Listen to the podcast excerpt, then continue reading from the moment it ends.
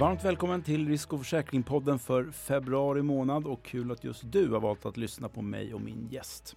Man räknar med att drygt en tredjedel av de svenska hushållen har en hund eller katt hemma och de behöver ju också försäkras. Försäkringsmarknaden för djurförsäkringar i Sverige har växt stadigt och har fördubblat den totala premieinkomsten under åren 2010 till 2021. Det har också poppat upp flera nya aktörer som erbjuder husdjursförsäkringar. Ett av dessa relativt nya försäkringsföretag är Manypets. Bolaget startade 2012 under företagsnamnet Bought by Many och eh, de första åren arbetade de med flera olika försäkringsprodukter, inte bara djurförsäkring. 2017 var året då de egna katt och hundförsäkringarna lanserades i Storbritannien. Och två år senare, sommaren 2019, tassade bolaget in i Sverige. Året efter, 2020, skedde namnbytet till Manypets. Nu har företaget alltså funnits på den svenska husdjursförsäkringsmarknaden i drygt tre års tid och försäkringsgivare för en katt och hundförsäkring som Manipet säljer är Great Lakes Insurance som ägs av återförsäkringsjätten Minicheri. Vi på Risk och Försäkring tycker att djurförsäkringsmarknaden är jättespännande och har därför bjudit hit Katarina Gerke, Manipets VD och landchef för Sverige. Välkommen till Risk och Försäkring-podden Katarina, trevligt att ha dig här. Tack Jonas, det är jättekul att få vara här. Hur står det till med dig? Det är bra. Vi har börjat året bra. Så det känns väldigt positivt att eh, vara igång nu. Nu är jag laddad för att höra lite mer om ert bolag men också hur du ser på försäkringsmarknaden för husdjur. Kan du kanske börja med att berätta lite om Manypets och vilka fundament er verksamhet vilar på? Kanske vilken stamtavla er verksamhet vilar på? Alltså vi är ju ett engelskt bolag, ganska ungt och eh, vi har sedan starten, en av de fundamentala delarna i våran, hela vår verksamhet och affärsmodell handlar om att vi är väldigt kundorienterade. Vi utgår hela tiden från kunden och vill säkerställa att allt vi gör är till djurägarnas och djurens eh, behov. Hur gör ni det då? När vi började verksamheten 2012 så började vi som en digital mäklare. Och då gjorde vi så att med datateknik kopplade vi ihop grupper av individer med liknande behov av försäkringslösningar och sen använde vi av den, av den gruppens köpkraft och så gick vi och förhandlade fram bättre erbjudanden. Och det var ju så också vårt namn Bort by Many kom till. Där började någonstans resan för oss och vi har vuxit jättemycket sen dess. Men vi kände någonstans också att det blev en begränsning för oss eftersom vi inte hade våra egna produkter och tjänster och vi ville göra det genuint på riktigt med våra kunder. Så vi beslutade då för att ge ut våra egna katt och hundförsäkringar. Och innan vi gjorde det så gick vi ut och frågade tiotusentals kunder som var då djurägare att om man kunde få designa sin egen djurförsäkring, vad är viktigt? Vad det ska vara in i produkten? Hur blir man bemött? Och hur vill man så att säga, det ska vara i relation till sitt djurförsäkringsföretag? Då fick komma med en önskelista kan man säga. Ja, en lång önskelista. En lång önskelista. Och, och, det gjorde att det är ju någonstans grunden i hur våra produkter är utformade. Så vi någonstans från den starten och det var där vi också då lanserade våra försäkringar i England 2017 med den grunden utifrån de kundinsikterna. Och det är någonting som är en av de fundamentala inom bolaget. Att vi hela tiden kontinuerligt tittar på vad har kunderna för behov och hur kan vi tillgodose de behoven med då vår teknik. För det är då den andra delen i, i det som är vi som vi kallar oss för insurance tech-företag men vi har någonstans i grunden tekniken. Eh, vi har vår egen tekniska plattform och vi jobbar kontinuerligt med att hela tiden förbättra kundupplevelsen. Och vi pratar mycket om att vi har en customer-led digital first experience. Att vi hela, alltså utifrån kundens perspektiv och att den ska vara digital i utformningen. Och det är någonting som vi jobbar kontinuerligt med. Då. Vad tycker du att ni har bidragit med till de svenska hund och kattägarna och inte minst till hundarna och katterna sen när ni lanserade era husdjursförsäkringar i Sverige? Innan vi gick in i den svenska marknaden eh, så gjorde vi och så tittade vi på hur den marknaden var, eller hur den är. Och det är ju en väldigt mogen eh, och, väletablerad marknad. Det är ju eh, högst penetrering av djurförsäkringar i världen tror jag till och med. Så att det var, och djurägare i Sverige så att säga, de ser vikten av försäkring. Till skillnad från kanske USA där man har bara en eller två procent av alla djuren är försäkrade så är det ju väldigt stor del som är här. Eh, men vi såg också att behovet av mera kundorienterade produkter och, och ett annat bemötande att det fanns ett behov hos konsumenterna här.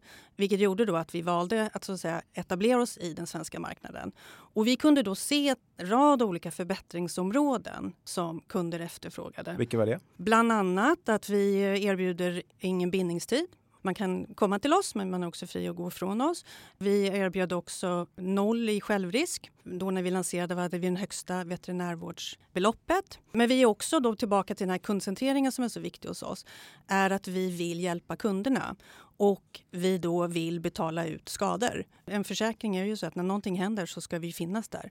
Så det har också varit en att vi Förra året så 97 procent av alla anmälda skador som vi fick betalade vi ut. Och det är en stor hög summa. Men det är så som vi jobbar, att hela tiden säkerställa att vi har bra produkter men vi ska finnas där också när kunderna behöver det. Vad händer med de andra 3 procenten? De har ju då inte fått sina utbetalda. Eh, de har fått avslag eh, av olika skäl. Ja, 97 procent anses som högt då? Det är väldigt högt. Ja, mm. ja. säg att jag har köpt en liten jycke här nu. Varför ska jag försäkra den hos er och inte hos marknadsledande Agria till exempel?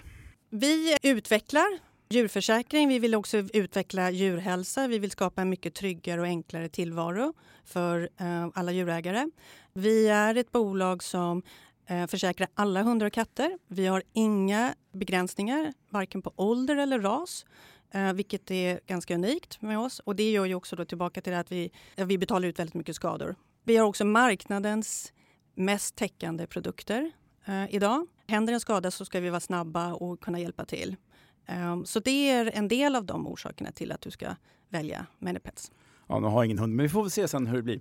Hur många hundar och katter är försäkrade hos Manipets totalt och hur många hundar och katter är försäkrade i Sverige? Efter pandemins liksom enorma tillväxt så fortsätter vi ha en bra tillväxt i Sverige. Vi har idag och försäkrar ungefär 40 000 hundar och katter. Och globalt så försäkrar vi över 600 000 hundar och katter i England, Sverige och USA. Via vilken distributionskanal säljer ni flest försäkringar?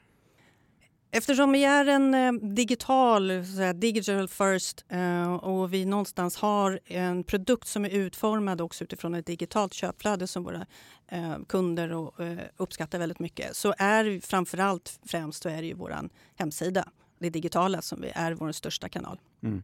Vår familj har ju inga husdjur just nu. Vi hade kaniner tidigare. Vi har vänner och kollegor som har det och de tycker att priserna på husdjursförsäkring har stigit ordentligt. Håller du med om det? Det gör jag. Det har det, både om du tittar på, eh, på kort och längre sikt så har det det. Hur kan det komma sig?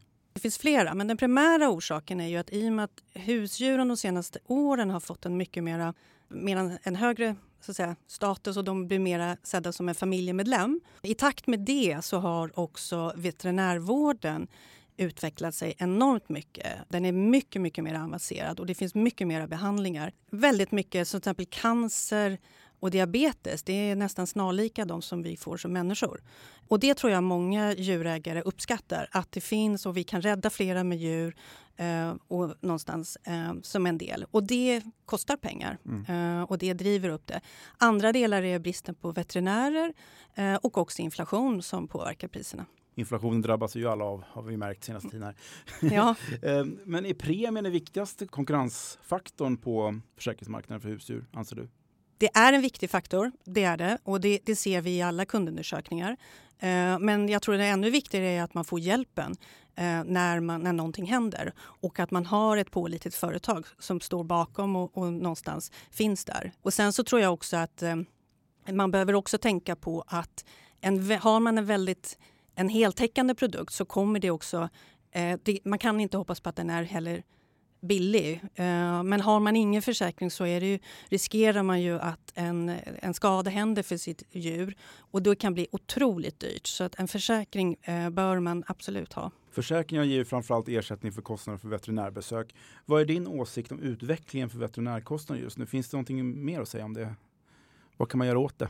Som jag nämnde tidigare, den har ju utvecklat sig enormt mycket och jag tror, utan att vara någon expert, så tror jag den kommer att fortsätta utveckla sig. Kanske inte lika kraftigt som det varit de sista tio åren. Det blir ännu dyrare veterinärkostnader? Eh, jag tror att det kommer att bli mer avancerad vård eh, och det kan också skapa, och kostnaderna kan gå upp. Eh, mm. Så det, det tror jag, eh, men kanske inte så kraftigt som det har varit de sista tio åren. Då. Mm. Men jag tror att vi som försäkringsbolag, vi har, en, vi har ansvar att att eh, jobba för att eh, mer förebyggande utbildning till våra kunder så de förstår hur de kan skydda sina djur eh, och dra ner och minska kostnaderna så att inte djuren blir lidande. Men jag tror också vi har ett ansvar att jobba för att det blir flera veterinärer och andra delar i, i veterinärvården också. Vilka andra utmaningar finns för djurförsäkringsbolagen idag? Tillgång på kompetens eh, är en. Eh, vi är många bolag som eh, konkurrerar efter eh, kompetent personal. Så det är en del. Vi har specialistroller. Eh, det andra är då som jag nämnde veterinärbristen. Eh, det finns en utmaning i framtiden. Hur kommer våra konsumenter att vilja välja att köpa eh, försäkring? Alltså det, den distributionskraften där vi ser att djurhälsa som område växer väldigt mycket. Och Det gör att kunder förväntar sig att det är enkelt och transparent. Och Jag tror att där kommer man att vilja se andra lösningar på hur man kan köpa sina försäkringar än vad man gör idag. Så jag tror att där kommer vi som försäkringsbolag behöva titta på nya eh, affärsmodeller, eh, bland annat. Det kom en rapport 2018, det är nästan fem år sedan nu, men då kom Konkurrensverket fram till att om fler djurägare jämför och byter försäkring så påverkar det också konkurrensen positivt. Men Konkurrensverket såg också tecken på problem på djurförsäkringsmarknaden. Ett problem som kunde uppstå i byte av försäkringsbolag var att sjukdomar som redan visat sig inte täcks av den nya försäkringen. Det var inte heller säkert alls att man fick teckna någon ny försäkring, noterade Konkurrensverket i den rapporten. Har vi en bättre fungerande konkurrens i djurförsäkringsbranschen för kundernas och djurens bästa år 2023 tycker du? Jag tycker det är en bra och relevant fråga Jonas. Det är inte lätt att byta försäkring om djuret har haft en skada sen tidigare.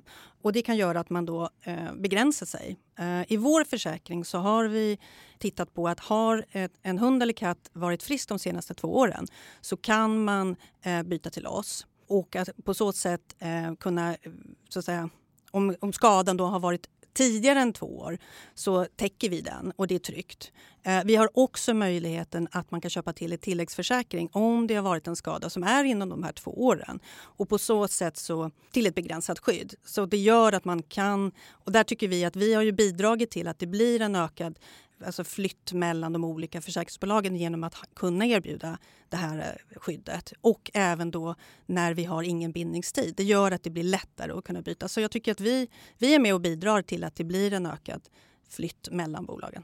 Mm. De närmaste åren, hur ser planerna ut för Manipets i Sverige? Vi kommer att fortsätta att eh, jobba kontinuerligt med att utveckla våra produkter och tjänster så att eh, till kunderna. Vi vill och hela tiden jobba med den här optimeringen och, och det digitala flödet och skapa mera bättre funktioner med digitalt skadeflöde eh, och andra delar. Vi vill också vara en större del av kundens eh, så att säga, kundresa och kunna erbjuda mera förebyggande tjänster så att djurägarna känner att de får eh, det bättre med, och, och vi skapar bättre djurhälsa. Vi kommer också fortsätta med våra tillväxtplaner i alla våra länder men vi har nu ett mycket högre fokus på lönsamhet på grund av den eh, ekonomiska situationen som vi befinner oss i just nu. Och, eh, sen är det så att jag nämnde initialt i början att vi har en, en teknisk plattform, så vi har en global plattform som vi eh, jobbar och investerar och utvecklar i som möjliggör för oss att eh, kunna ha mycket större skalfördelar. Vi kan eh, utveckla automatiserade processer. Vi kan också direkt integrera oss med andra partners och så vidare och vara mycket snabbfotade. Eh, så det är också sådana delar som är väldigt eh, stor fokus inom bolaget just nu. Ni försäkrar hundar och katter i dagsläget. Eh, finns det några planer på att börja försäkra andra djur än pets till exempel? Nej, vi kommer hålla oss på hundar och katter inom, för det finns massor att göra där. Har du själv några husdjur? Vår eh, katt Morris eh, gick bort eh, i en sjukdom. Så att just nu så är vi i valet och funderar på att skaffa oss en hund. Vi har ju väldigt mycket kollegor på jobbet som både har katter och hundar, men vi har ju hundar på kontoret. Så jag får dagligen tips om vilka raser som skulle passa mig och min familj. Så att jag har inte riktigt landat i vilken. Det skulle se lite bra ut om vdn hade ett husdjur faktiskt. Skulle inte det? Ja, men jag får väl säga att min personal har det. Då. Ja. Så att, inte det, är det good enough? Ja. Det var allt vi hade att bjuda på i poddväg denna gång. Stort tack för att du ville vara gäst i Risk och försäkringspodden, Katarina Garke. Tack så mycket. Vi är tillbaka med podden igen i mars med en ny intressant gäst. Lyssna gärna på oss då. Producent för Risk och försäkringspodden är Julia Sivert. Hej då!